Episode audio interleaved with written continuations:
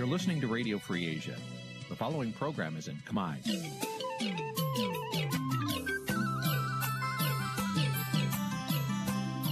នេះជាកម្មវិធីផ្សាយ Vuthu Azizi Serai នេះជាកម្មវិធីផ្សាយរបស់ Vuthu Azizi Serai ជាភាសាខ្មែរ Vuthu Azizi Serai សូមស្វាគមន៍លោកអ្នកនាងទាំងអស់ពីរដ្ឋធានី Washington នៃសហរដ្ឋអាមេរិក ចាប់ផ្សាយផ្ទាល់ពីរដ្ឋធានី Washington នាងខ្ញុំសុជីវីសូមជម្រាបសួរលោកនាងកញ្ញាដែលកំពុងតាមដានការផ្សាយរបស់ Vuthu Azizi Serai ទាំងអស់ជាទីមេត្រីចាស់យើងខ្ញុំសូមជូនកម្មវិធីផ្សាយសម្រាប់យប់ថ្ងៃអាទិត្យ15កើតខែវិសាខចាស់ជាថ្ងៃវិសាខបូជាឆ្នាំខាលចត្វាស័កពុរសករាជ2565ចាស់ត្រូវនៅថ្ងៃទី15ខែឧសភាគ្រិស្តសករាជ2022ចាស់ជាដំបូងនេះសូមអញ្ជើញលោកអ្នកនាងស្ដាប់ព័ត៌មានប្រចាំថ្ងៃដែលមានមេត្តាដូចតទៅ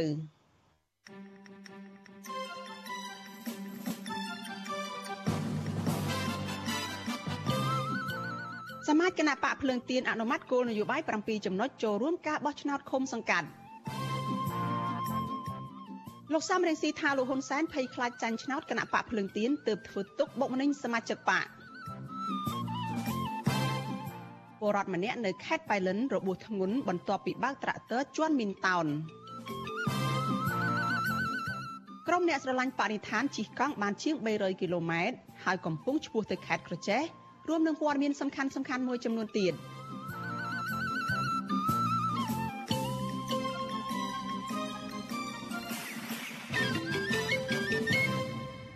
ចាជាបន្តទៅទៀតនេះនាងខ្ញុំសុជីវីសូមជូនព័ត៌មានទាំងនេះពិស្ដាចលនានាងជាទីមេត្រីអង្គសមាជវិសាមញ្ញរបស់គណៈបកភ្លើងទៀនបានអនុម័តគាំទ្រលើគោលនយោបាយចំនួន7ចំណុចសម្រាប់ចូលរួមការបោះឆ្នោតជ្រើសរើសក្រុមប្រឹក្សាឃុំសង្កាត់នៅថ្ងៃទី5ខែមិថុនាខាងមុខនេះ និងដើម្បីយកទៅអនុវត្តក្រោយពេលដឹកនាំឃុំសង្កាត់អាណត្តិទី5ចាស់ពួកគេរំពឹងខ្ពស់ថាគោលនយោបាយនេះនឹងទទួលបានការគាំទ្រពីប្រជាពលរដ្ឋម្ចាស់ឆ្នោតចាអ្នកវិភាគមើលឃើញថាស្មារតីដើមនិងសន្ទុះគាំទ្រនោះនឹងធ្វើឲ្យគណៈបកភ្លើងទៀនคล้ายជាគូប្រជែងដ៏ធំរបស់គណៈបកប្រជាជនកម្ពុជាចាលោកមានរិទ្ធរាយការណ៍ព័ត៌មាននេះសមាជិកគណៈបកភ្លើងទៀនទូទាំងប្រទេសប្រមាណ6000នាក់ ដែលជាប្រធាន អនុប្រធាន សមាជិកក្រុមការងារបណ្ដោះអាសន្ននិងតំណាងសកម្មជនទូទាំងប្រទេសបានចូលរួមធ្វើសមាជវិសាមញ្ញនៅសង្កាត់ក្មួយខណ្ឌសែនសុខរាជធានីភ្នំពេញនៅព្រឹកថ្ងៃទី15ខែឧសភាអង្គសមាជបានលើកដៃអនុម័តសម្រាប់ចូលរួមការប្រគល់ប្រជែងការបោះឆ្នោតជ្រើសរើសក្រុមប្រឹក្សាឃុំសង្កាត់នៅដើមខែក្រោយនេះ អង្គសមាជក៏បានអនុម័តនៅគោលនយោបាយសំខាន់សំខាន់ចំនួន7ចំណុចសម្រាប់ដាក់ជូនប្រជាពលរដ្ឋម្ចាស់ឆ្នោតគោលនយោបាយទាំងនោះរួមមានដូចជា ទី1សិទ្ធិអំណាចចូលរួមផ្ដល់យោបល់លើការសម្រេចនានារបស់ឃុំសង្កាត់ទី2ផ្ដល់សេវាសាធារណៈដោយភាពរស់រាយល្អត្រឹមត្រូវឆាប់រហ័សនិងគ្មានអំពើពុករលួយ ទី3សន្តិសុខសុវត្ថិភាពល្អគ្មានគ្រឿងញៀនគ្មានអំពើអបាយមុខរស់នៅដោយគ្មានការភ័យខ្លាចទី4 ការពារកម្មសិទ្ធិដីធ្លីជីវភាពល្អប្រសើរមានការងារត្រឹមត្រូវនិងមានទីផ្សារលក់ផលិតផលគោលនយោបាយទី5ទទួលបានកិច្ចប្រឹក្សាយោបល់លើការខ្ចីបុលនានានិងបង្កើតនៅមូលនិធិជួយដល់ជនក្រីក្រគោលនយោបាយទី6ផ្ដល់បានព្យាបាលជំងឺដោយឥតគិតថ្លៃជូនប្រជាពលរដ្ឋដោយគ្មានការរើសអើងនិងការព្យាបាលមានគុណភាពហើយគោលនយោបាយចុងក្រោយ គឺផ្ដល់ឱកាសដូចគ្នានៅក្នុងការអប់រំឲ្យកុមារបានចូលរៀនគ្រប់គ្រប់គ្នា និងអាចបន្តការសិក្សាដល់ថ្នាក់ឧត្តមសិក្សាអនុប្រធាននិងជាអ្នកនាំពាក្យគណៈបកភ្លើងទៀនលោកថាសិដ្ឋា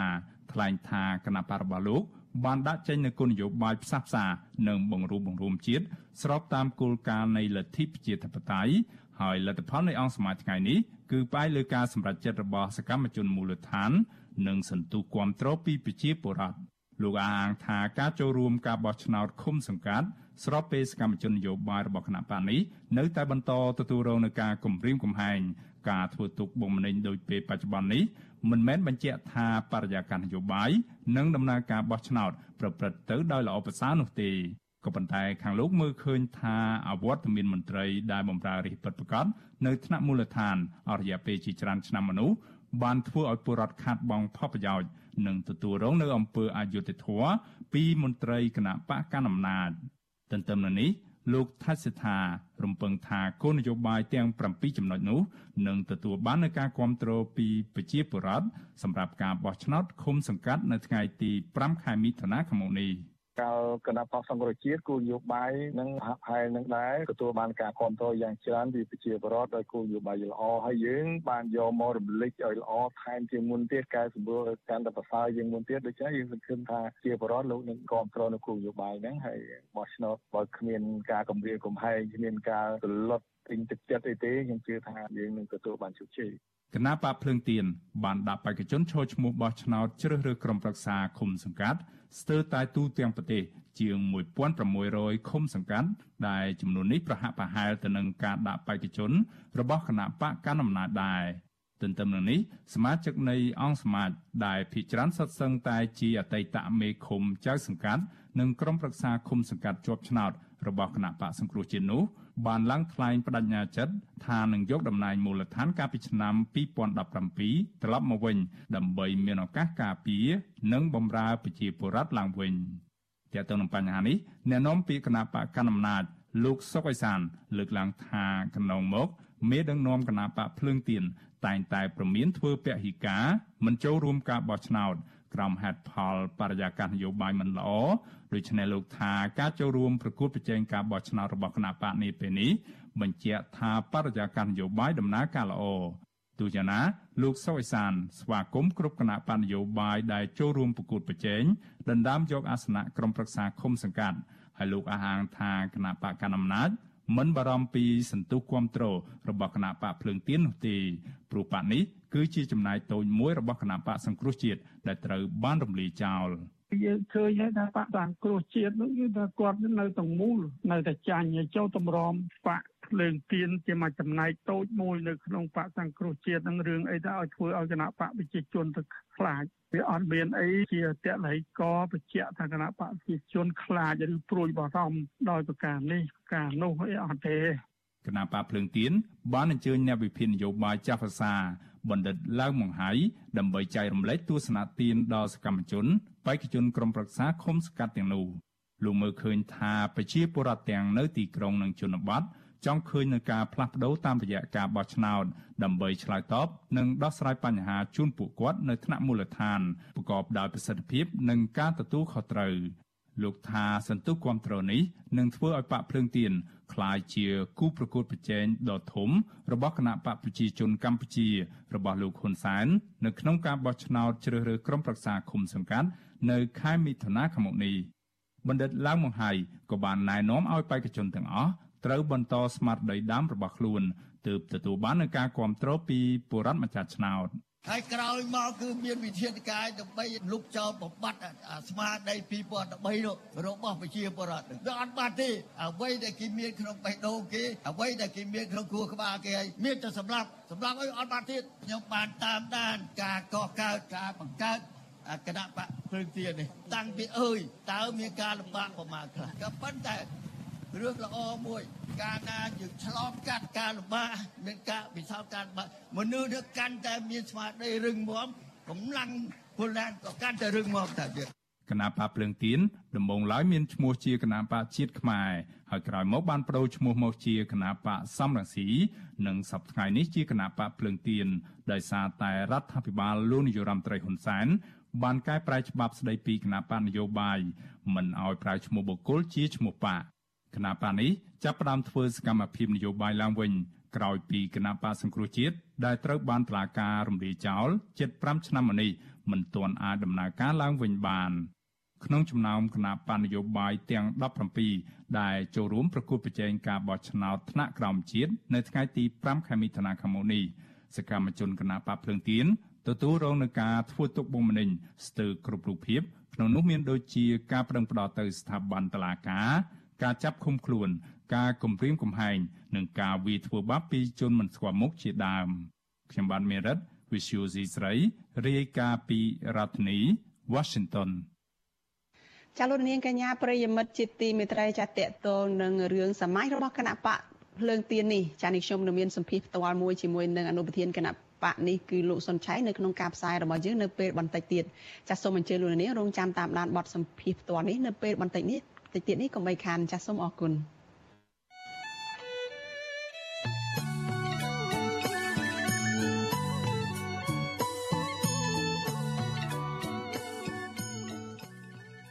ចាលោកនាងកញ្ញាប្រិយមិត្តជាទីមេត្រីចាដំណើរគ្នានឹងការផ្សាយផ្ទាល់តាមបណ្ដាញសង្គម Facebook និង YouTube នេះចាលោកនាងក៏អាចស្ដាប់ការផ្សាយរបស់វិទ្យុ AZ សេរីចាតាមរយៈវិទ្យុរលកធាតុអាកាសខ្លីចា SW តាមកម្រិតនិងកម្ពស់ដូចតទៅនេះ ចាពេលព្រឹកចាប់ពីម៉ោង5កន្លះដល់ម៉ោង6កន្លះតាមរយៈរលកធាតុអាកាសខ្លីចាប់12140 kHz ស្មើនឹងកម្ពស់ 25m និង13715 kHz ស្មើនឹងកម្ពស់ 22m និងពេលយប់ចាប់ពីម៉ោង7កន្លះដល់ម៉ោង8កន្លះតាមរយៈរលកធាតុអាកាសខ្លី9960 kHz ស្មើនឹងកម្ពស់ 30m ចាំ12140 kHz ស្មើនឹងកម្ពស់ 25m និង11885 kHz ស្មើនឹងកម្ពស់ 25m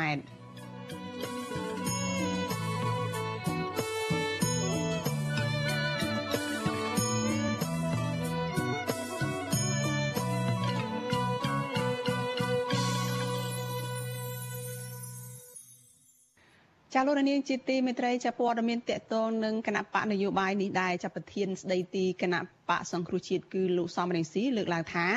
មេបកកណ្ដាលអំណាចគឺលោកហ៊ុនសែនកំពុងតែភ័យខ្លាចចាញ់ឆ្នោត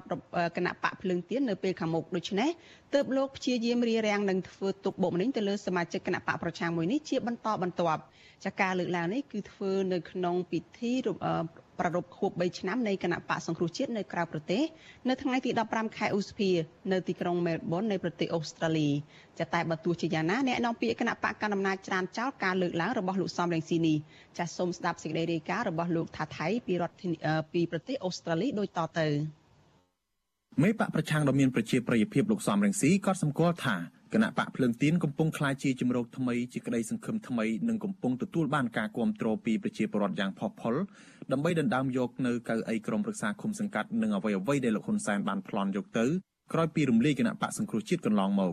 លោកបញ្ជាក់ថាការកត់សម្គាល់បែបនេះមិនមែនជាការឃោសនាឲ្យគណៈបកភ្លើងទៀននោះទេប៉ុន្តែពលរដ្ឋបានយល់ដឹងដោយខ្លួនឯង ថាបកភ្លើងទៀនមានប្រវត្តិបង្កើតឡើងដោយអ្នកស្នេហាជាតិពិតប្រាកដប្រធានស្ដីទីគណៈបកសង្គ្រោះជាតិរូបនេះពិនិត្យឃើញថាបេក្ខជនចូលឈ្មោះនៅក្នុងការបោះឆ្នោតក្រុមប្រឹក្សាគុំសង្កាត់របស់គណៈបកភ្លើងទៀនប្រមាណ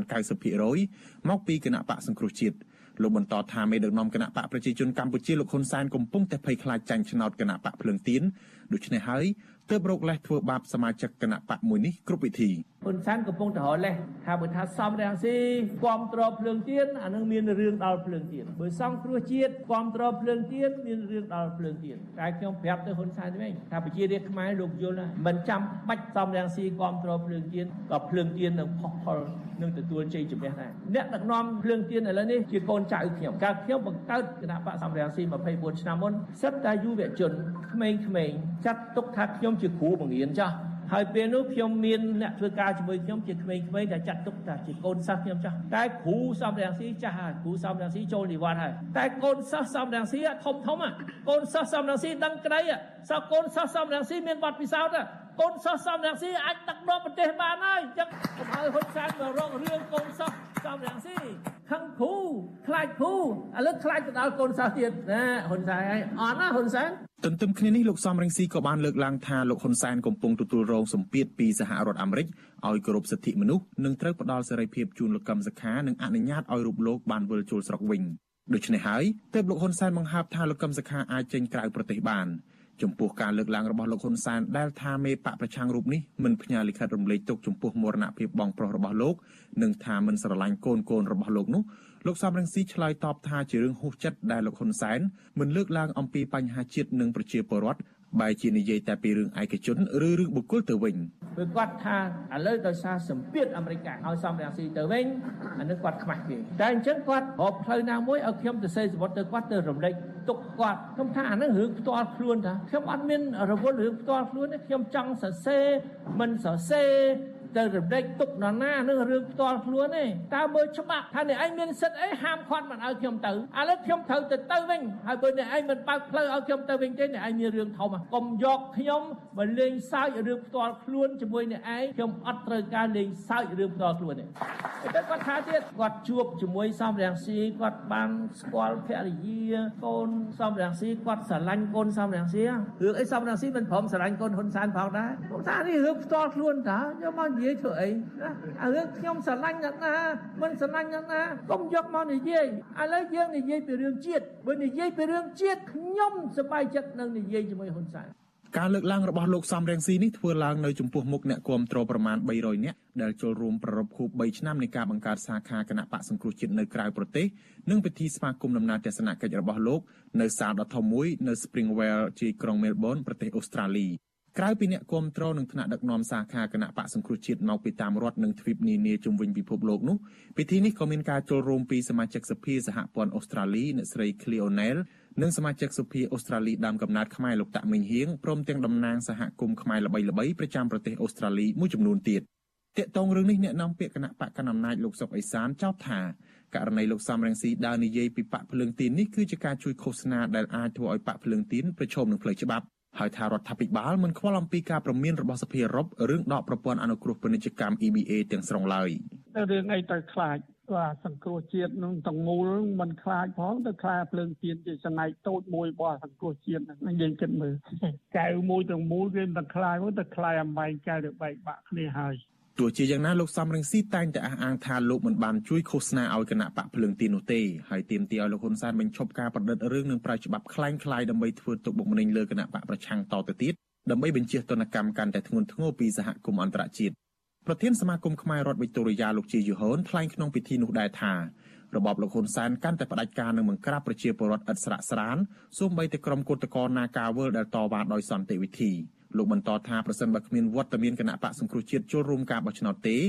ពលរដ្ឋខ្មែរគួរតែបោះឆ្នោតជូនគណៈបកភ្លើងទៀនដើម្បីផ្លាស់ប្តូររបបផ្ដាច់ការសពថ្ងៃ។ បន្ថែមពីនេះលោករំពឹងថារដ្ឋាភិបាលអូស្ត្រាលីនឹងមានវិធានការលើរបបក្រុងភ្នំពេញដោយសហភាពអឺរ៉ុបនិងសហរដ្ឋអាមេរិកដើម្បីឲ្យស្ដារលទ្ធិប្រជាធិបតេយ្យនិងការគោរពសិទ្ធិមនុស្សនៅកម្ពុជាឡើងវិញទៅបោះឲ្យគណៈបកភ្លើងទៀនទៅពីព្រោះវាអត់មានគណៈបកណាផ្សេងទៀតគណៈបកសង្គ្រោះជាតិវាមិនទាន់មានព្រោះយើងសង្ឃឹមថាតើគេនឹងឲ្យបើកឲ្យវិញទេគណៈបកសង្គ្រោះជាតិហ្នឹងតាមយោបល់ខ្ញុំផ្ទាល់ខ្ញុំថាប្រហែលជាពិបាកណាស់ដូច្នេះទោះបីជាបង្កើតគណៈបកអីថ្មីមួយទៀត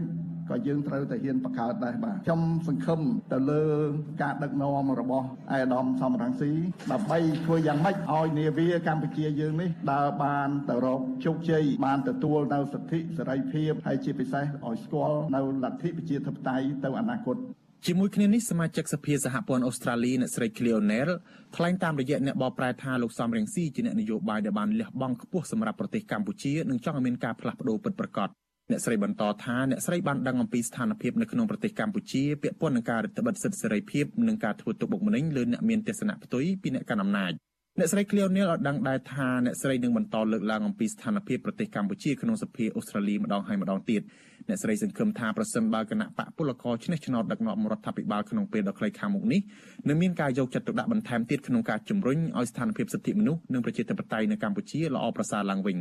representing you in Canberra who understand what is happening in Cambodia who want to see fairness and democracy protected in Cambodia ចាអញ្ចឹងគាត់មានប្រសាសន៍ថាបើសិនជា Labor ឈ្នះហើយដូចគាត់មានប្រសាសន៍រាយឈ្មោះតំណាងរាស្ត្រនឹង គឺសេចក្តីសង្ឃឹមសម្រាប់លទ្ធិប្រជាធិបតេយ្យនិងសេរីភាពរបស់នៅប្រទេសយើងគឺយើងមានសង្ឃឹមច្រើនចា៎លោកសំរងស៊ីបានធ្វើដំណើរទស្សនកិច្ចនៅក្នុងប្រទេសអូស្ត្រាលីនិងប្រទេសញូហ្សេឡង់ជាងមួយសប្តាហ៍ចាប់តាំងពីថ្ងៃទី7ដល់ថ្ងៃទី15ខែឧសភាដែលជាថ្ងៃចុងក្រោយក្រៅពីជួបសំណេះសំណាលជាមួយប្រសង់និងប្រជាពលរដ្ឋខ្មែរតាមរដ្ឋនានាលោកក៏បានជួបជាមួយអ្នកមុខអ្នកការនៅក្នុងប្រទេសអូស្ត្រាលីជាច្រើនរូបទៀតផងដែរ តំណាងរាស្ត្រអូស្ត្រាលីដើមកំណើតខ្មែរលោកតាក់មិញហៀងចាត់ទុកពិធីជួបជុំស្វាគមន៍លោកសំរងស៊ីនេះជាពិធីជួបជុំអ្នកប្រជាធិបតេយ្យលោកជំរាបជូនលោកសំរងស៊ីថាសហគមន៍ខ្មែរនៅអូស្ត្រាលីមិនដែលរេរេក្នុងការចូលរួមជំរុញឲ្យមានលទ្ធិប្រជាធិបតេយ្យនិងការគោរពសិទ្ធិមនុស្សនៅកម្ពុជានោះទេលោកបញ្ជាក់ថាជាពិសេសការរួមគ្នាតស៊ូមតិរដ្ឋាភិបាលអូស្ត្រាលីអនុម័តច្បាប់ដាក់ទណ្ឌកម្មក្រុមមេដឹកនាំរំលោភសិទ្ធិមនុស្សប្រព្រឹត្តអំពើពុករលួយធ្ងន់ធ្ងរនិងបង្កគ្រោះថ្នាក់ដល់ពិភពលោក ដូចជាច្បាប់ Global Magnitsky Act របស់សហរដ្ឋអាមេរិកយើងមិន រីរែកនៅក្នុងការពុះពៀចូលរួមដើម្បីធ្វើម៉េចឲ្យរដ្ឋាភិបាលនៃរដ្ឋាភិបាលសហព័ន្ធនៃប្រទេសអូស្ត្រាលីនេះយកចិត្តទុកដាក់បញ្ហាយុត្តិធម៌បញ្ហាសេរីភាពនៅឯប្រទេសកំណើតរបស់យើងទាំងអស់គ្នាជាក់ស្ដែងចាប់តាំងពីឆ្នាំ2016រហូតមកដល់ឆ្នាំ2018គឺមុនពេល COVID នេះខ្ញុំបានរាប់នៅចំនួនធ្វើសេចក្តីថ្លែងការណ៍នៅក្នុងសភាសហព័ន្ធគឺមាន36ដងនៅក្នុងសេចក្តីថ្លែងការណ៍ទៅពីរឿងប្រទេសកម្ពុជាសិទ្ធិសេរីភាពហើយនឹងការធ្វើទុកបុកម្នេញទៅអ្នកប្រជាធិបតេយ្យកាលពីថ្ងៃទី5ឧសភាកន្លងទៅសមាជិកសភាសហភាពអឺរ៉ុបភាគច្រើនលុះលុបបានទាមទារឲ្យរដ្ឋាភិបាលលោកហ៊ុនសែនលុបចោលការចាត់ប្រកាន់ដែលគ្មានមូលដ្ឋានច្បាប់និងប្រគល់សេរីភាពជូនលោកកម្មសខាលោកសំរងស៊ីអ្នកស្រីមូសុខហួរនិងមន្ត្រីព្រមទាំងសកម្មជនគណៈបកសង្គ្រោះជាតិផ្សេងទៀតហើយត្រូវអនុញ្ញាតឲ្យគណៈបកសង្គ្រោះជាតិចូលរួមការបោះឆ្នោតខាងមុខ សភាអឺរ៉ុបថែមទាំងជំរុញឲ្យក្រុមប្រឹក្សាអឺរ៉ុបត្រូវធានាកុំឲ្យមានការរំលាយគណៈបកភ្លើងទៀនតាមវិធីគួរឲ្យអស់សំណើចដោយករណីគណៈបកសង្គ្រោះជាតិនិងត្រូវប្រើវិធានការទាំងអស់ដែលមានដូចជាការព្យួរទាំងស្រុងនៅប្រព័ន្ធអនុគ្រោះពាណិជ្ជកម្ម ABA ប្រសិនបើរកឃើញថាការបោះឆ្នោតខាងមុខនេះមានភាពអយុត្តិធម៌ចំណែកក្នុងកិច្ចប្រជុំកំពូលពិសេសអាស៊ានអាមេរិកថ្មីថ្មីនេះសហរដ្ឋអាមេរិកបានបដិញ្ញាចិត្តចំពោះអនាគតមួយដែលមានការគោរពច្បាប់និងបទដ្ឋានដែលអនុញ្ញាតឲ្យមានការរីកចម្រើននិងភាពរុងរឿងក្នុង Indo-Pacific ការបដិញ្ញាចិត្តនោះរួមមានការគោរពសិទ្ធិមនុស្សនិងនីតិរដ្ឋដែលនឹងផ្ដល់ផលប្រយោជន៍ដល់ប្រជាពលរដ្ឋប្រមាណ1000លាននាក់នៅអាមេរិកនិងប្រទេសជាសមាជិកអាស៊ានក្នុងនោះរួមទាំងកម្ពុជាផងដែរខ្ញុំថាថៃពីទីក្រុងមែលប៊ន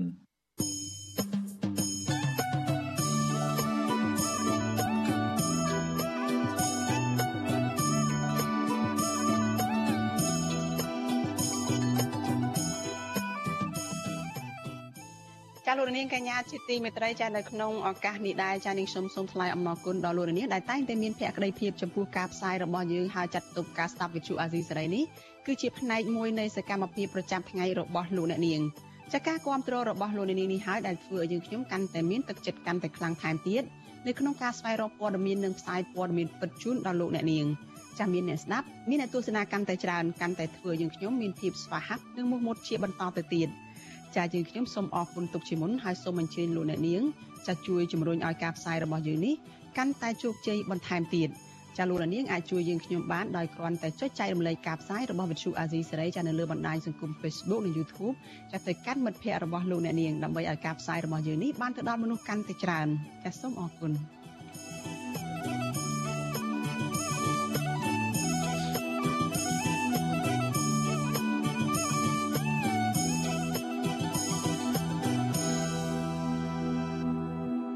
ចាលោកនាងកញ្ញាប្រិយមិត្តជាទីមេត្រីចាលោកអ្នកកំពុងតែតាមដានការផ្សាយរបស់វិទ្យុអាស៊ីសេរីចាផ្សាយចេញពីរដ្ឋធានី Washington សហរដ្ឋអាមេរិកចាព័ត៌មានដាច់ដោយឡែកមួយទៀតប្រជាពលរដ្ឋម្នាក់នៅឯខេត្តបៃលិនចាបើកបរត្រាក់ទ័រភ្ជួរដីស្រែបានជន់មានផ្ទុះបណ្ដាលឲ្យរបួសធ្ងន់នៅភូមិភ្នំស្ពង់ឃុំសាលាក្រៅស្រុកសាលាក្រៅកានៅព្រឹកថ្ងៃទី15ខែឧសភាខណៈដែលកំពុងភ្ជួរដីស្រែ ចាស់ពលរដ្ឋរងគ្រោះឈ្មោះមឿនសីឡាភេទប្រុសអាយុ25ឆ្នាំរស់នៅភូមិភ្នំកុយឃុំសាលាក្រៅចាស់ប្រធាន អង្គកម្ភិបកម្ចាត់មីនម៉ាពូនៅឯខេត្តបៃលិនគឺលោកឈឹមសម្បត្តិលោកប្រាប់វិទ្យុអាស៊ីសេរីនៅថ្ងៃទី15ខែឧសភាថាពលរដ្ឋរងគ្រោះបានដាច់ជើងខាងឆ្វេងហើយអំបែងក្របមីនត្រូវដងខ្លួននិងបែកក្បាលចាលោកបន្ថែមថាបច្ចុប្បន្នជនរងគ្រោះត្រូវបានសាច់ញាតិបញ្ជូនទៅសង្គ្រោះបន្ទាន់នៅមន្ទីរពេទ្យបង្អែកខេត្តបៃលិនហើយ។ ព្រោះអញ្ចឹងព្រោះអាហ្នឹងពាក់ព័ន្ធពាក់ព័ន្ធនឹងបច្ចេកទេសនៃម៉ាស៊ីនចង់និយាយថាពេលខ្លះការរាវមីនរបស់យើងហ្នឹងអឺម៉ាស៊ីនរបស់យើងចាប់ជំរូបានវាដូចទឹកត្រឹមមួយទឹកមួយទឹកកន្លះចឹងណាហើយដល់ពេលមីនកាលគាត់កប់ជ្រៅមីនតោនខ្លះគាត់កប់ជំរូកន្លងមកធ្លាប់ជួបប្រទេសហ្នឹងមាន1ម៉ែត្រក៏មានដែរហើយក្នុងហ្នឹងមានឈើទល់ឈើអីចឹងដល់ពេលអត់ដល់ទម្ងន់វាអត់ទុះទេអាមីនតោនហ្នឹង ចាលោកបន្តថាករណីផ្ទុះមីននេះគឺជាមីនដែលបង្កប់នៅក្នុងដីនៅសេសសល់ពីសម័យសង្គ្រាមចារបាយការណ៍របស់ប្រធានអង្គភិបកម្ចាត់មីនម៉ាពូនៅខេត្តប៉ៃលិនឲ្យដឹងថានៅក្នុងឆ្នាំ2021នេះមានចំការមីនសរុបជិត1200ចំការដែលមានផ្ទៃដីជាង1900ហិកតាក្នុងនោះដោះមីនបានជាង700ចំការចារំដោះផ្ទៃដីស្រែនោះបានជាង5000ហិកតា ចារបាយការណ៍ដដែលឲ្យដឹងទៀតថាចាប់តាំងពីឆ្នាំ2000រហូតមកដល់ពេលឆ្នាំ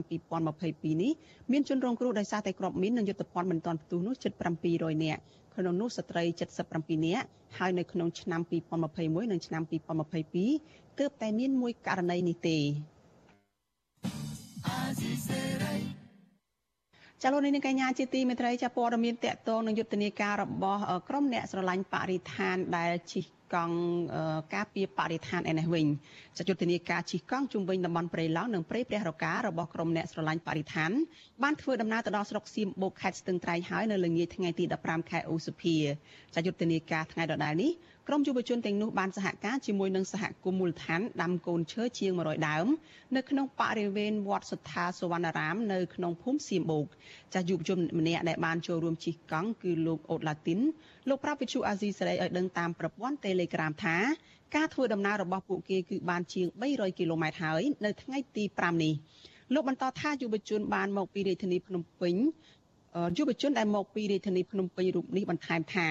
នឹងមានយុវជនបន្ថែមទៀតមកចូលរួមសហគមន៍ជាបន្តបន្ទាប់នៅក្នុងសកម្មភាពជិះកង់នេះលោកសរសេរថាលោកស្នើទៅក្រសួងបរិស្ថានឲ្យឈប់លៀបពណ៌ក្រុមសកម្មជនសហគមន៍មូលដ្ឋានហើយគោរពសិទ្ធិពួកគាត់ដោយឲ្យពួកគាត់អនុវត្តសិទ្ធិសេរីភាពឲ្យបានពេញលេញស្របទៅតាមឆន្ទៈរបស់ប្រជាពលរដ្ឋសកម្ម ដែលអាចចូលរួមការពារធនធានធម្មជាតិបានដោយសេរីនិងដោយគ្មានលក្ខខណ្ឌចាលោកបន្តថានៅថ្ងៃទី5នៃយុទ្ធនាការជិះកង់នេះយុវជននិងសហគមន៍បានដាំកូនឈើជាង100ដើមដែលមានការចូលរួមពីសំណាក់ប្រជាសហគមន៍ជាង50នាក់លោកយល់ថាការដាំកូនឈើនេះគឺជាផ្នែកមួយនៃការអបអរទិវាបរិស្ថាននៅពេលខាងមុខលោកស្នើឲ្យស្ថាបនិកជនបន្តគ្រប់គ្រងសកម្មភាពការពារបរិស្ថាននិងព្រៃឈើនៅកម្ពុជា ដើម្បីកាត់បន្ថយបញ្ហាបំរែបំរួលធាតុអាកាស។ ចាយុទ្ធនាការជិះកង់ជុំវិញតំបន់ព្រៃឡង់និងព្រៃព្រះរការបស់ក្រុមអ្នកស្រឡាញ់បរិស្ថាននេះបានចេញដំណើរពីទីរួមខេត្តកំពង់ធំឆ្ពោះទៅខេត្តព្រះវិហារស្ទឹងត្រែងក្រចេះនិងបញ្ចប់នៅក្នុងខេត្តកំពង់ធំវិញចាគោលបំណងគឺដើម្បីចូលរួមប្រពៃទិវាបរិស្ថានពិភពលោកនៅក្នុងឆ្នាំ2022ដែលមានរយៈពេល24ថ្ងៃគឺចាប់ពីថ្ងៃទី10ខែឧសភា បន្តរហូតដល់ថ្ងៃទី3ខែមិថុនាឆ្នាំ2022ក្រោមប្រធានបទស្ដីពីការលើកកម្ពស់កិច្ចការពារបរិស្ថាន ដើម្បីជេរភាពធនធានធម្មជាតិនិងសុខុមាលភាពរបស់មនុស្សជាតិចាស់ក្រុមអ្នកជិះកង់ប្រមាណ25នាក់ក្នុងនោះមានស្ត្រី7នាក់ពាក់ឯកសន្តានជាអាវកាក់ពណ៌បៃតងភ្ជាប់នឹងពាក្យស្លោកថាជិះកង់600គីឡូម៉ែត្រដើម្បីបរិស្ថានចាយុទ្ធនាការនេះផ្ដោតសំខាន់ទៅលើការទាមទាររដ្ឋាភិបាល បើកទូលាយសិទ្ធិសេរីភាពរបស់ប្រជាពលរដ្ឋនិងក្រុមអង្គការសង្គមស៊ីវិលដើម្បីចូលរួមល្បាតព្រៃឡើងវិញ។ចាលោកនាងកញ្ញាជាទីមេត្រីចាតកតងនឹងយុទ្ធនាការរបស់ក្រមយុវជនជិះកង់នេះ ចាយើងបានភ្ជាប់ទៅក្រមយុវជនតែជាអ្នកជិះកង់នេះដើម្បីឲ្យបានចូលមកជជែកបន្ថែមពីសកម្មភាពរបស់ពួកគេនៅតាមបណ្ដាខេត្តមួយចំនួនជាពិសេសនៅខេត្តដែលជាប់នឹងតំបន់ព្រៃឡង់ចាអ្នកដែលចូលមកជជែកនៅក្នុងកម្មវិធីផ្សាយរបស់យើងនៅយប់នេះគឺមានលោកហេងកំហុងចាលោកដែលជាប្រធានកម្មវិធីស្រាវជ្រាវនឹងតស៊ូមតិនៃបណ្ដាញយុវជនកម្ពុជាចាសូមជម្រាបសួរកំហុងពីចម្ងាយចា បាទសូមជម្រាបសួរបងបាទហើយនៅទីនេះក៏មានអ្នកជិះកង់ពីរអ្នកទៀតដែលជាស្ត្រីបាទគាត់ចូលរួមជាមួយខ្ញុំដែរបាទចាអរគុណច្រើនកំហុងចាអញ្ចឹងយើងចាប់ផ្ដើមជជែកពីជាមួយកំហុងមុនទៅហើយក្រោយមកនេះខ្ញុំនឹងផ្ដល់ឱកាសឲ្យកញ្ញាពីរនាក់ទៀតចាថាកញ្ញាអញ្ចឹងចុះចាព្រោះសិនសិតតែជាយុវជនទេអញ្ចឹងនឹងផ្ដល់ឱកាសឲ្យកញ្ញាទាំងពីរ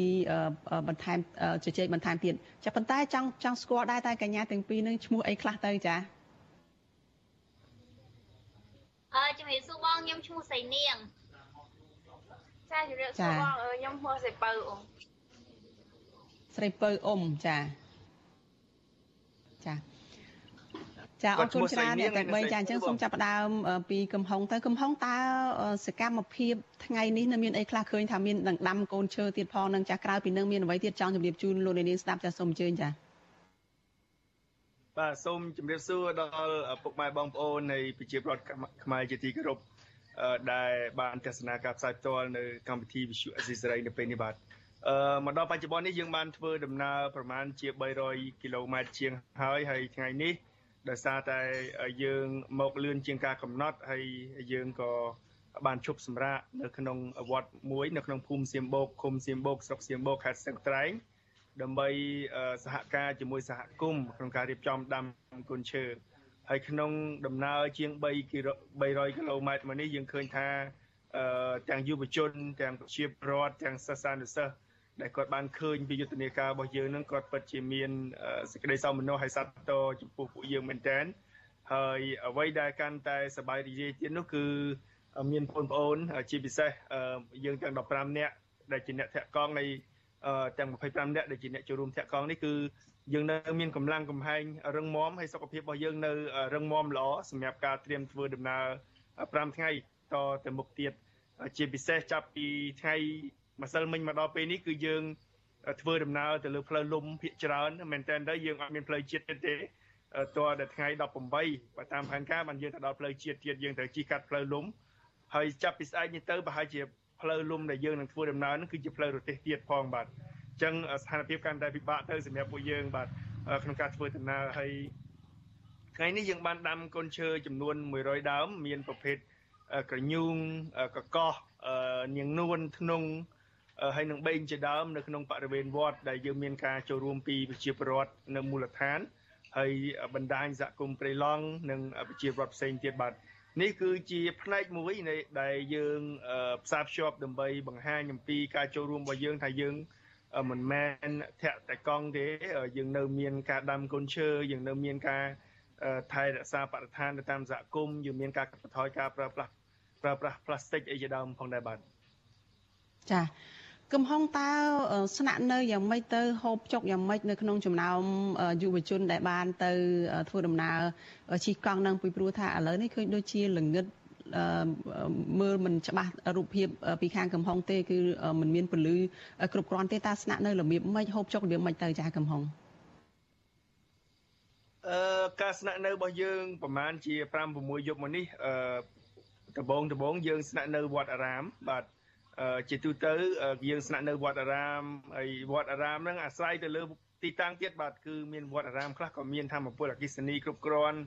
ហើយវត្តអារាមខ្លះហ្នឹងក៏ពុំមានអគិសនី ទេបាទមែនតើទៅយប់ឡើងហើយប៉ុន្តែចាប់ពីយប់មិញមកដល់ពេលនេះគឺយើងសម្រាប់នៅសហគមន៍ជាមួយនឹងផ្ទះរបស់សមាជិកសហគមន៍បណ្ដាញបៃឡង់បាទបងប្អូនគាត់ស្នាក់នៅផ្ទះអញ្ចឹងទៅហើយបរោះបរោះបងប្អូននឹង បរិសុទ្ធផ្សេងទៀតហ្នឹងគាត់ចងរឹងអីនៅគៀនផ្ទះដើម្បីមើលការខុសត្រូវយាមកង់យាមសម្ភារៈផង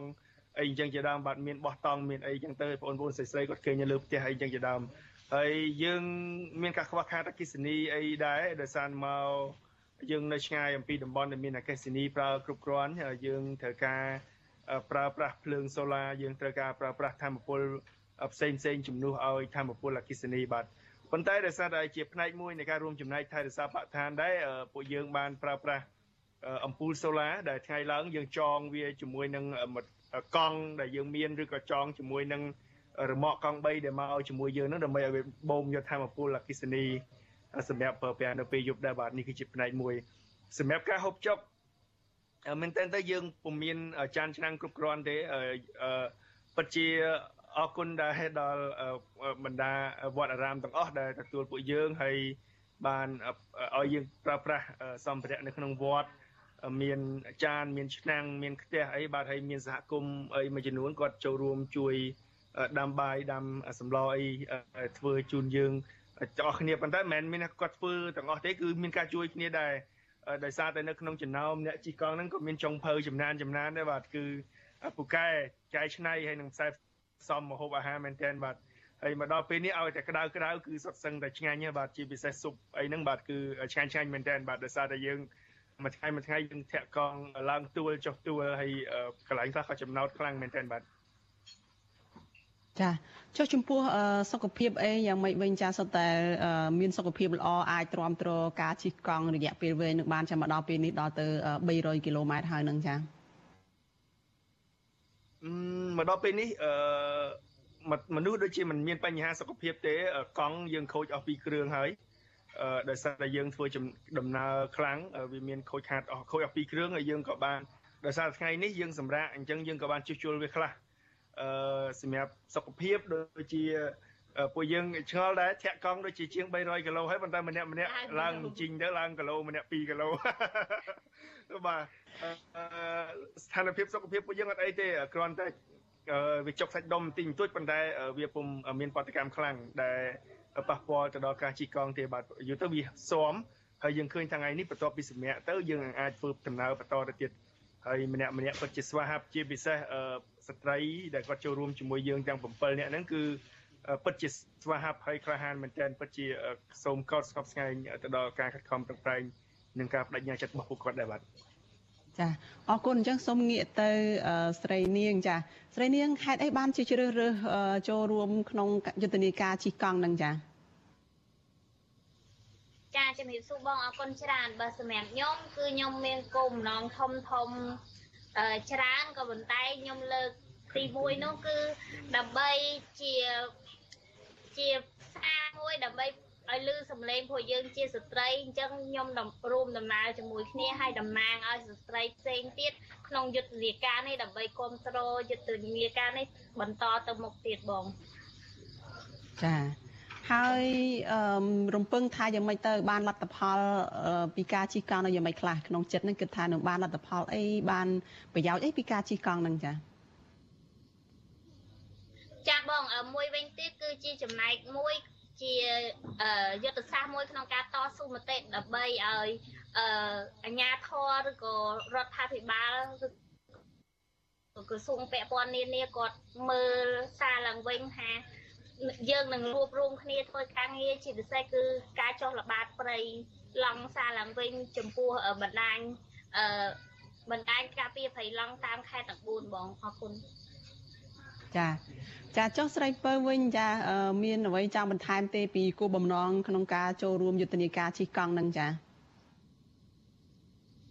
ចាអើជម្រាបសួរបងម្ដងទៀតអឺសម្រាប់គោលបំណងដែលខ្ញុំចូលរួមជិះកង់រយៈពេល10ថ្ងៃហ្នឹងអឺទី1អឺខ្ញុំចង់អឺស្នើឬក៏អាចថាដាស់តឿនទៅដល់រាជរដ្ឋាភិបាលហ្នឹង ឲ្យគាត់មានការបើករំហសិទ្ធិសេរីភាពទៅដល់ប្រជាពលរដ្ឋសហគមន៍មូលដ្ឋានឬក៏សកម្មជនគ្រប់រូបហ្នឹងឲ្យគាត់មានសិទ្ធិពេញលេញដូចដូចដែលគាត់មានចែងនៅក្នុងរដ្ឋធម្មនុញ្ញហ្នឹងថាឲ្យឲ្យប្រជាពលរដ្ឋហ្នឹងគាត់មានសិទ្ធិចូលរួមក្នុងការដំណើរការការល្បាតព្រៃការចូលរួមការពារព្រៃផ្សេងផ្សេងហ្នឹងហើយទីពីរពួកខ្ញុំចង់មានគោលបំណងថាដាស់តឿនទៅដល់ស្ត្រីគ្រប់រូបក៏ដូចជានិយាយទៅប្រជាពលរដ្ឋគ្រប់រូបហ្នឹងឲ្យគាត់ យល់ស្វែងយល់អំពីកាតព្វកិច្ចដែលពួកគាត់ត្រូវធ្វើថាព្រៃឈើហ្នឹងវាជាកាតព្វកិច្ចដែលយើងត្រូវថែរក្សាអស់គ្នាការការពារបរិស្ថានហ្នឹងជាប្រយោជន៍ការពារដើម្បីទទួលបានប្រយោជន៍ទាំងអស់គ្នាអញ្ចឹងព្រៃឈើវាមិនមែនជារបស់បុគ្គលឬក្រុមណាម្នាក់ទេវាជាតួនាទីរបស់យើងទាំងអស់គ្នាក្នុងការការពារធនធានធម្មជាតិដើម្បីថែរក្សាឲ្យវានៅគង់វង្សគង់វង្សជារៀងរហូតចា ស្រីពៅមានជាការផ្ដាំផ្ញើអីយ៉ាងម៉េចទៅដល់យុវជនផ្សេងទៀតទេពីព្រោះថាអ្នកដែលចូលរួមនៅថ្ងៃនេះនឹងមិនដល់30នាក់ផងទេនៅក្នុងការជិះកង់ហ្នឹងតើគិតថាយុវជនគួរតែមានទឹកចិត្តយ៉ាងម៉េចខ្លះពីការងារការពារបរិស្ថានធនធានធម្មជាតិអីនេះចា៎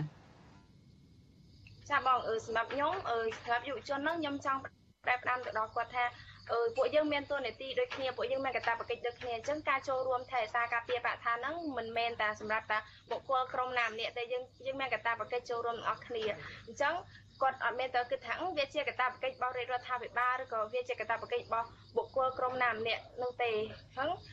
ការការចូលការចូលរួមឬក៏សម្លេងសកម្មភាពរបស់អ្នកទាំងអស់គ្នាហ្នឹងជាជាកាតព្វកិច្ចឬក៏ជាអត្ថប្រយោជន៍វា មានអត្ថប្រយោជន៍ខ្លាំងក្នុងការការពារឬក៏ចូលរួមក្នុងការការពារធនធានធម្មជាតិនឹងមិនថាគាត់ថាគិតថាគាត់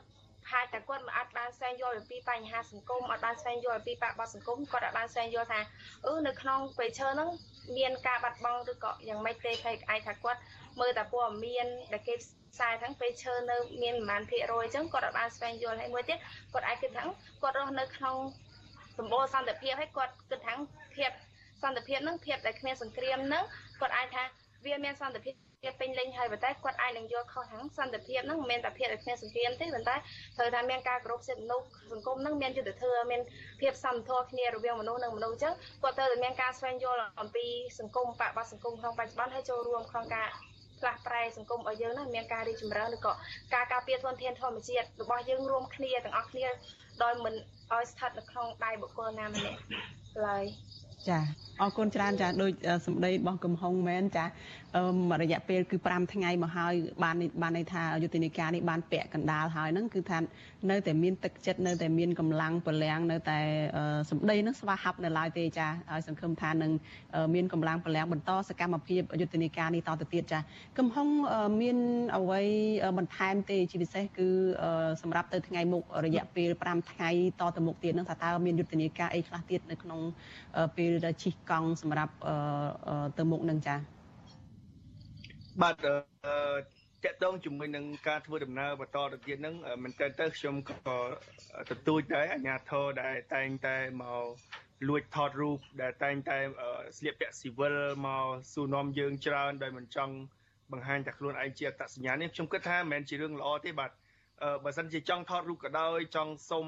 ព័ត៌មានអីផ្សេងផ្សេងក៏ដោយនឹងគួរតែស្លៀកពាក់ឯកសណ្ឋានឲ្យបានត្រឹមត្រូវមកមិនបាច់លាក់អត្តសញ្ញាណឬក៏អីទេជារឿងមួយដែលពួកខ្ញុំនឹងក៏មិនមែនធ្វើអីលាក់បាំងខុសពីច្បាប់ខុសពីទម្លាប់អីដែរបើថាចង់ថតរូបចង់អីទេអាញាធរទៅខាងមុខខាងមុខទៀតហ្នឹងបាទស្លៀកពាក់ឲ្យត្រឹមត្រូវមកទៅនុយឲ្យស្អាតស្អាតមកបាទ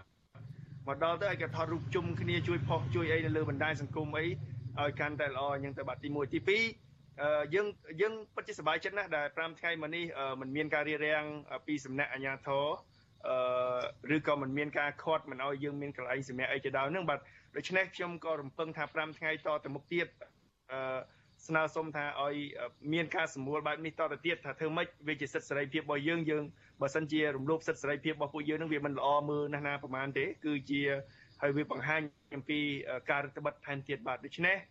យើងរំពឹងថាដំណើរ5ថ្ងៃតទៅមុខទៀតនឹងនៅតែមានភាពរលូនហើយមិនមានការរារាំងបើទោះបីជាយើងនឹងធ្វើដំណើរកាត់តំបន់មួយចំនួនដែលយើងមានការព្រួយបារម្ភក៏ដោយប៉ុន្តែយ៉ាងណាមិញបទពិសោធន៍5ថ្ងៃកន្លងមកនេះនេះគឺយើងពិតជារំពឹងខ្ពស់ថាដំណើររបស់យើងនឹងបន្តទៅមុខទៀតអឺផងដែរហ្នឹងក៏យើងស្នើសុំឲ្យកុំឲ្យមានការលៀបពណ៌ពួកយើងទៅនឹងគណៈបកនយោបាយអ្វីដែលពួកយើងធ្វើនេះគឺជាសកម្មភាព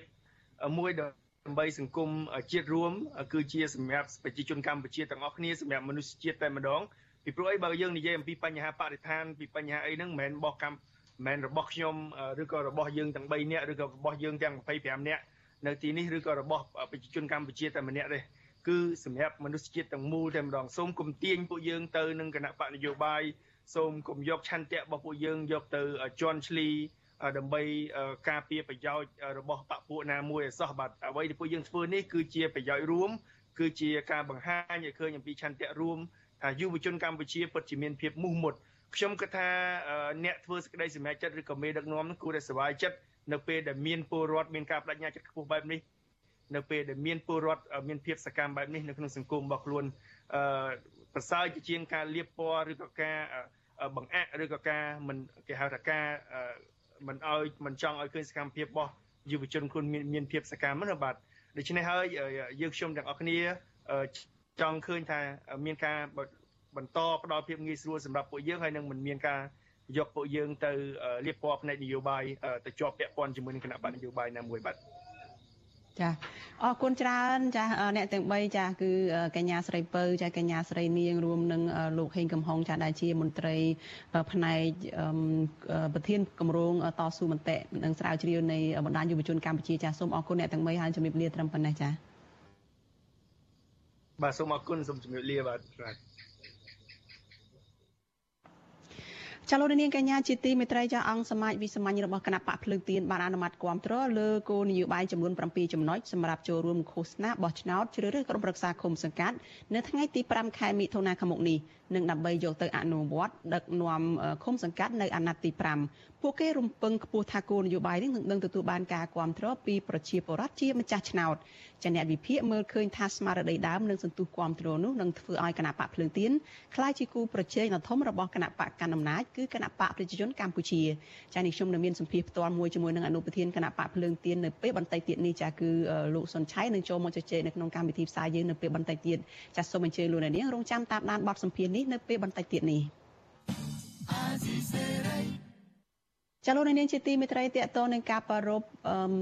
ថ្ងៃវិសាខបូជាវិញម្ដងចាប់ប្រជាពលរដ្ឋនិងសង្គមស៊ីវិលរិះគន់អភិបាលខេត្តបាត់ដំបងថាយកវេទិកាបុណ្យវិសាខបូជាឆ្លៀតឱកាសនិយាយលើកសរសើរពីគុណបំណាច់របស់គណៈបកកាន់អំណាចដើម្បីកេងចំណេញនយោបាយនៅមុនការបោះឆ្នោតជិតខិតចូលមកដល់ពួកគេថាអាញាធរពុំគួរឃោសនានយោបាយនៅក្នុងពិធីបុណ្យទានដូចនេះទេ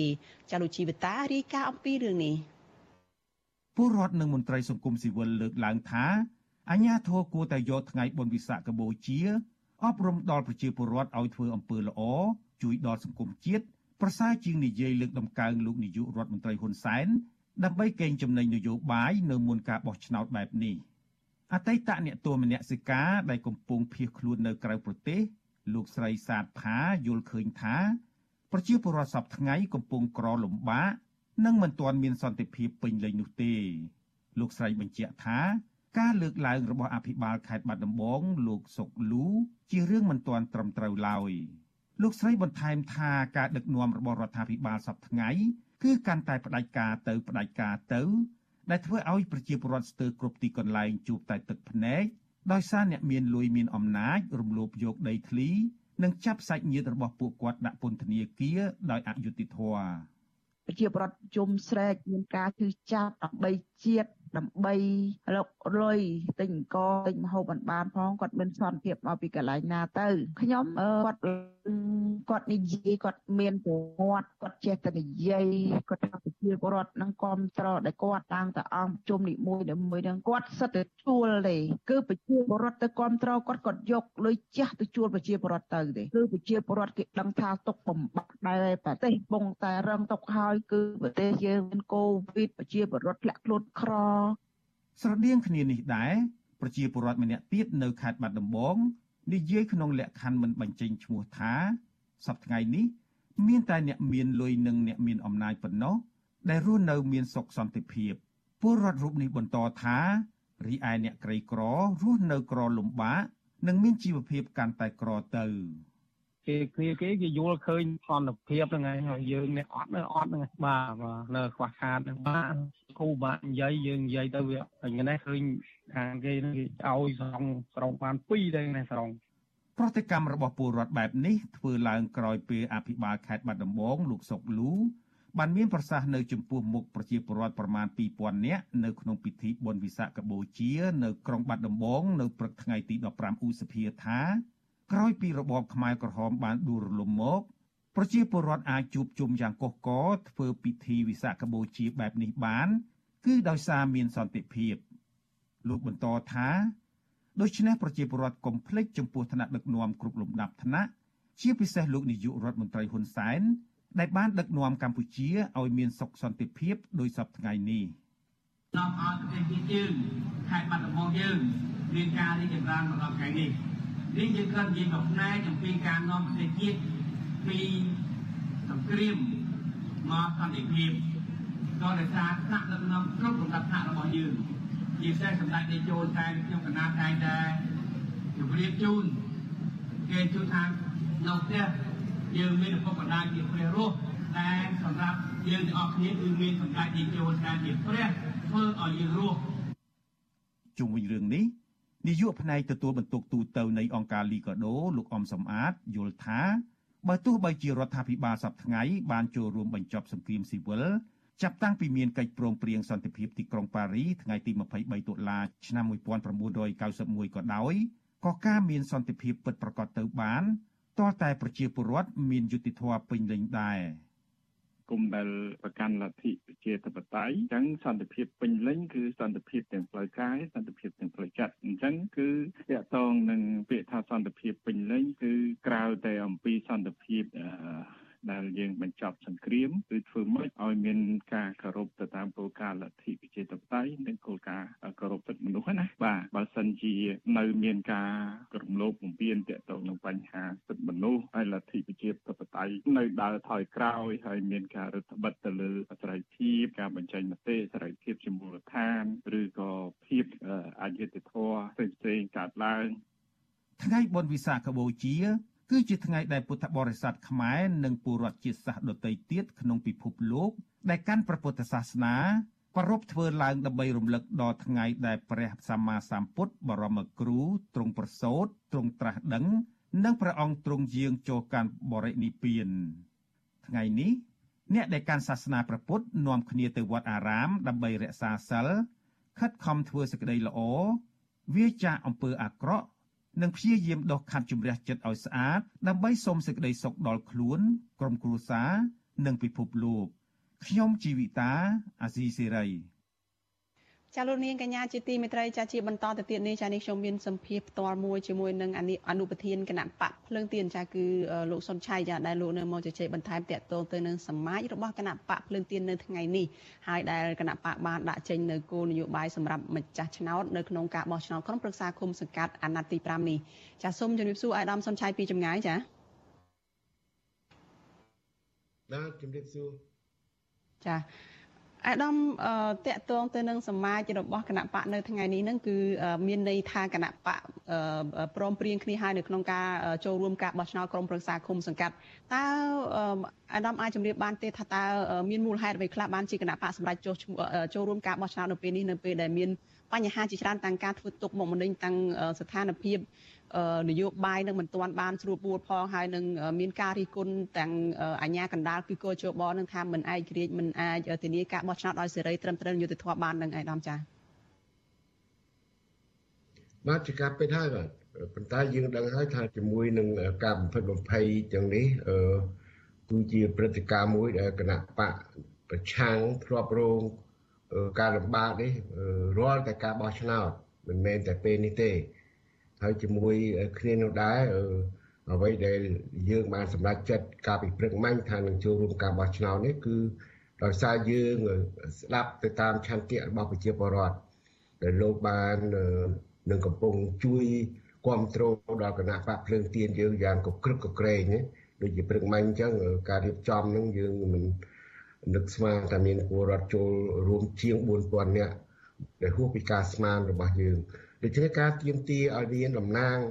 ពលរដ្ឋយើងនៅក្នុងមូលដ្ឋាននេះគឺជាការងារមួយដែលពលរដ្ឋទៀមទាហើយគណៈបកភ្លើងទៀនត្រូវតែយល់ស្របតាមតាមការទៀមទានេះហើយយើងធ្វើឲ្យគ្រប់លទ្ធភាពដែលយើងអាចធ្វើបានដើម្បីការពារឆន្ទៈរបស់គាត់ពួកគាត់ដែលនឹងទៅធ្វើការបោះឆ្នោតនៅថ្ងៃទី5ខែមិថុនាខាងមុខនេះជាមួយគ្នានោះដែរយើងក៏មានការធានា រ៉ាប់រងដែរទូតខ្ញុំផ្ទាល់បានជួបជាមួយតំណាងប្រទេសជប៉ុនតាទូតជប៉ុនហើយនៅក្នុងសប្តាហ៍ក្រោយនេះយើងនឹងជួបជាមួយឯកអគ្គរដ្ឋទូតឯកអគ្គរដ្ឋទូតចំនួន7ប្រទេសទៀតក្នុងការដែលយើងជឿជាក់ថាគេបានសម្ដែងការគ្រប់គ្រងទៅដល់ការចូលរួមរបស់គណៈបកភ្លើងទៀនហើយគេនឹងផ្ដល់នៅមធ្យោបាយ ខ្លះទៀតដើម្បីធានាឲ្យមានការបោះឆ្នោតមួយដែលអាចទទួលយកបាននោះបាទចាអាដាមនៅពេលដែលសម្រាប់ចិត្តមកចូលរួមការបោះឆ្នោតជាថ្មីទៀតនេះអឺ កន្លងមកនឹងគឺគណៈបកសង្គ្រោះជាតិដែលជាគណៈបកប្រឆាំងធំជាងគេនឹងបានជួបបញ្ហាជាច្រើនណាស់នៅក្នុងវិថី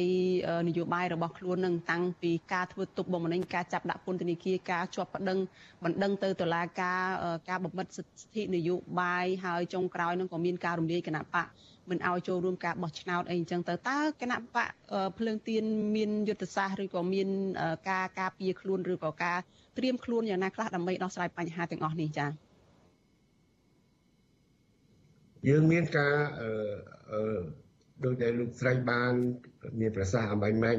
ករណីនៃការកោះហៅចូលខ្លួនទៅតុលាការការចាប់ឃុំខ្លួនប៉ុន្តែជាការពិនិត្យជាក់ស្ដែងទូទៅគណៈបកភ្លើងទៀនមានជំនឿថាសមាជិករបស់ខ្លួនទាំងអស់ទោះបីមាននៃការក្តីចាប់ខ្លួនហើយក្តី មិនមានការភ័យខ្លាចបាក់ស្បាតនឹងបន្តការងាររបស់គណៈបកយើងឈ្មោះទៅរកការបោះឆ្នោតនោះនោះទេបាទគឺគាត់នៅតែមានសេចក្តីក្លាហានហើយប្រជាពលរដ្ឋដែលទទួលដឹងអំពីការលំបាករបស់គណៈបកភ្លើងភ្លើងទៀននឹងរឹតតែធ្វើឲ្យពួកគាត់នឹងបដិញ្ញាចិត្តកាន់តែខ្លាំងថែមទៀតដើម្បីទៅបោះឆ្នោតឲ្យគណៈបកភ្លើងទៀនដើម្បីផ្លាស់ប្ដូរនៅរបៀបគ្រប់គ្រងបំផិតបំភ័យការធ្វើទុកបុកម្នេញប្រជារាស្ត្រ ដែលកំពុងជួបប្រទះសប្តាហ៍នេះដូច្នេះក្នុងស្មារតីនៃការបដូរផ្ដាច់របស់សមាជិកសមាជិកាគណៈបកគ្រប់រូបដោយមិនយកការគម្រាមកំហែងមួយចំនួននេះធ្វើជាបង្កឲ្យមានការភ័យខ្លាចនោះយើងសង្ឃឹមថាសកម្មភាពពីថ្ងៃនេះរហូតដល់ថ្ងៃបោះឆ្នោតគណៈបកភ្លើងទៀននឹងធ្វើឲ្យអស់ពីសមត្ថភាពដើម្បី ធ្វើការឃោសនាទាក់ទាញការគ្រប់គ្រងពីប្រជាប្រជាពលរដ្ឋយើងនោះឲ្យយើងបានទទួលជោគជ័យនៅក្នុងការបោះឆ្នោតខាងមុខបាទ ចាដូច្នេះឈរលើស្មារតីអឺក្លាហានហើយនឹងមិនចុះញោមហើយនឹងព្យាយាមធ្វើយ៉ាងម៉េចឲ្យមានការផ្លាស់ប្ដូរការដឹកនាំនៅក្នុងសង្គមនេះគឺជាមធ្យោបាយសម្រាប់គណៈបកភ្លើងទៀននៅក្នុងការជំនះចូលរួមការបោះឆ្នោតនៅលើកនេះចាអាយដាមតកតងទៅនឹងគោលនយោបាយរបស់គណៈបកដែលបានដាក់ចេញនៅថ្ងៃនេះនឹងតើអាយដាមអាចជម្រាបលើកឡើងដោយសង្ខេបទៀតថាតើផ្ដោតទៅលើអ្វីខ្លះហើយមានអ្វីខ្លះចង់ផ្ដាំផ្ញើទៅពលរដ្ឋជាម្ចាស់ឆ្នោតចាស់សូមជើញ បាទខ្ញុំគិតបានចង់ជម្រាបថាប្រជាពលរដ្ឋលោកបានស្គាល់នៅភារកិច្ចនិងការបំរើ ដែលបានដែលគណៈបកប្រឆាំងធ្លាប់បានបំពេញករណីបំរើប្រជាពលរដ្ឋនឹងបាន4ខែដែរនៅក្នុងឆ្នាំ2017ហើយការងារទាំងនោះយើងនឹងបន្តទៅទៀតក្នុងនោះមានការស្ដាប់ការតវ៉ាការទៀមទា រាល់ការសម្រេចចិត្តគឺយកមតិប្រជាពលរដ្ឋនៅមូលដ្ឋាននេះជាធំហើយក្នុងនោះយើងត្រូវធ្វើយ៉ាងម៉េចការពារសម្បត្តិទ្រព្យប្រជាពលរដ្ឋកម្មសិទ្ធិដីធ្លីរបស់ប្រជាពលរដ្ឋហើយធ្វើការអភិវឌ្ឍណាក៏ដោយមិនត្រូវឲ្យប៉ះពាល់ដល់ផលប្រយោជន៍ជាតិនិងប្រយោជន៍ប្រជាពលរដ្ឋហើយក្នុងសង្គមរបស់យើងដែលកំពុងតែមានបញ្ហាគ្រឿងញៀនបញ្ហាអសន្តិសុខបញ្ហាបំផិតបំភ័យគណៈបកភ្លើងទៀងគឺមិនបដិញ្ញាចិត្តរួចហើយថានឹងធ្វើយ៉ាងដូចម្ដេច ធ្វើឲ្យអង្គើពាលីអាវ៉ាសែនៅក្នុងសង្គមនេះត្រូវតែបំបត្តិដោយមានការចូលរួមពីមហាជននិងមន្ត្រីគ្រប់លំដាប់ថ្នាក់ធ្វើយ៉ាងម៉េចឲ្យពលរដ្ឋយើងរស់នៅដោយសុខសាន្តហើយនេះជាការបដិញ្ញាចិត្តសម្បើមណាស់ព្រឹកមិញនេះមានតំណាងស្ត្រីតំណាងយុវជនតំណាងបេក្ខជនទាំងអស់បានឡើងបដិញ្ញាថាបើគាត់ធ្វើមិនបានទេគាត់សុខចិត្តចោះចេញពីតំណែងគាត់មិនធ្វើមុខក្រាស់ អង្គុយលើតំណែងដែលពលពលរដ្ឋប្រកល់ឲ្យហើយមិនបានបំពេញតួនាទីបម្រើប្រជាពលរដ្ឋនឹងឲ្យបានត្រឹមត្រូវទេហើយក្នុងករណីដទៃទៀតដូចជាករណីរឿងបញ្ហាសុខភាពបាលជំងឺគណៈបកភ្លើងទៀនទៀមទីហើយទៀមទាទៀតប៉ុន្តែនៅពេលនេះយើងសង្ឃឹមថាពេលយើងបានដល់ជាមេឃុំចៅសង្កាត់យើងនឹងធ្វើធ្វើយ៉ាងម៉េចឲ្យការព្យាបាលជំងឺត្រឹមត្រូវនៅក្នុងមូលដ្ឋានកុំឲ្យមានការពិភិតបំភ័យឬក៏ការបោកប្រាស់ប្រជាពលរដ្ឋ ឬការព្យាបាលដែលមិនមិនមានថ្នាំសង្កូវត្រឹមត្រូវមិនមានជំនាញនិងមិនមានវិជ្ជាជីវៈច្បាស់លាស់ហើយក្នុងការព្យាបាលជំងឺនីតិសោតគណៈបកភ្លើងទៀនគឺនឹងជំរុញឲ្យការផ្ដល់នៅបានក្រីក្របានព្យាបាលជំងឺដែលឥតគិតថ្លៃនឹងឲ្យពលរដ្ឋគ្រប់រូបដោយមិនរើសអើងសប្តាហ៍ថ្ងៃនេះមានការរើសអើងបំផិតបំភ័យពលរដ្ឋមូលដ្ឋានតែពីរឿងបានក្រីក្រហ្នឹងហើយគណៈបកភ្លើងទៀនបានសម្រេចនឹងបញ្ញាចិត្តព្រឹកមិញហើយថា យើងនឹងទៅជាចៅសង្កាត់ឬក៏មានឃុំយើងនឹងផ្ដល់បាននេះដោយមិនរើសអើងមិនមិនធ្វើឲ្យពលរដ្ឋយើងបាត់បង់នៅសេចក្តីទុកចិត្តក្នុងការផ្ដល់បានទទួលបានបានព្យាបាលជំងឺដោយឥតគិតថ្លៃរឿងផ្សេងទៀតបាទរឿងនៅក្នុងសង្គមយើងគឺបញ្ហាកសិករអត់ទីផ្សារការមិនមានលទ្ធភាពក្នុងការគ្រប់គ្រងអាជីវកម្មរបស់ខ្លួនដោយសារមានការប្រាក់ ត្រូវបង់ការប្រាក់ទៅធនាគារនឹងមានតម្លៃខ្ពស់ធ្វើឲ្យពលរដ្ឋយើងមានការលំបាកក្នុងការសងបំណុលឲ្យជាដើមក្រុមប្រឹក្សាគុំសង្កាត់គណៈបកភ្លើងទៀននឹងផ្ដល់មធ្យោបាយក៏ដូចជាការផ្ដល់ជាយោបល់ជូនពលរដ្ឋធ្វើយ៉ាងម៉េចឲ្យលោកបានទទួលនៅការខ្ចីបុលសម្រាប់យកទៅកអាជីវកម្មនឹងដែលមានការប្រាក់ទាបហើយបើមានផលិតផលហើយយើងបង្កើតជាសហគមន៍ដើម្បីជួយលក់ផលិតផលរបស់គាត់ ឲ្យបានល្អត្រឹមត្រូវ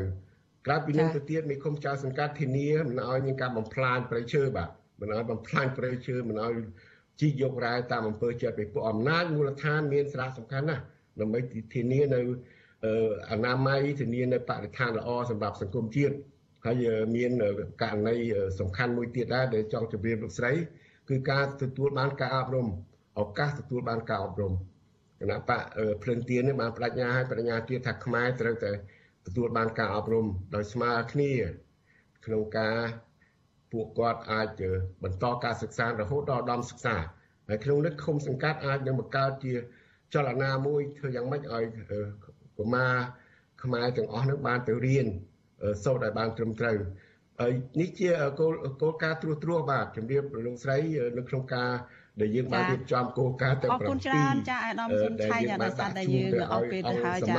ជួអសិរ័យនឹងតាមដានការដាក់ចេញគោលនយោបាយរបស់គណៈបកភ្លើងទៀននេះតទៅទៀតហើយយើងនឹងជជែកគ្នាប្រសិនបើមានឱកាសនៅពេលក្រោយទៀតនោះចាអរគុណច្រើនអាដាមសុនឆៃដែលបានផ្ដល់ការសម្ភាសន៍នៅយប់នេះចាហើយបានឱកាសបាទនេះជាមានជារឿងសំខាន់ណាស់ដើម្បីឲ្យឱកាសដល់គណៈបកភ្លើងទៀនបានជម្រាបជូនពលរដ្ឋដែលជាម្ចាស់ឆ្នោត ឲ្យដឹងថាតើគណៈបកភ្លើងទៀនអាចធ្វើអ្វីជូនពលរដ្ឋនៅពេលដែលយើងទទួលបានទូនីតិបំរើលោកនៅពេលអនាគតនោះបានចាអរគុណចាជំរាបលាអាដាមត្រឹមប៉ុណ្ណេះចាជូនពរអាដាមសុខភាពល្អចាបាទអរគុណច្រើនសូមជម្រាបលាផងដែរបាទចា ចាលោកនាងកញ្ញាប្រិយមិត្តជាទីមេត្រីចាការផ្សាយរបស់វិទ្យុអាស៊ីសេរីនៅយប់នេះចាចាប់ត្រឹមតែប៉ុណ្ណេះចានេះខ្ញុំសូជីវីព្រមទាំងក្រុមការងារទាំងអស់នៃវិទ្យុអាស៊ីសេរីចាសូមជូនពរដល់លោកនាងកញ្ញានិងក្រុមគ្រួសារទាំងអស់ចាឲ្យជួបប្រកបតែនឹងសេចក្តីសុខចាចម្រើនរុងរឿង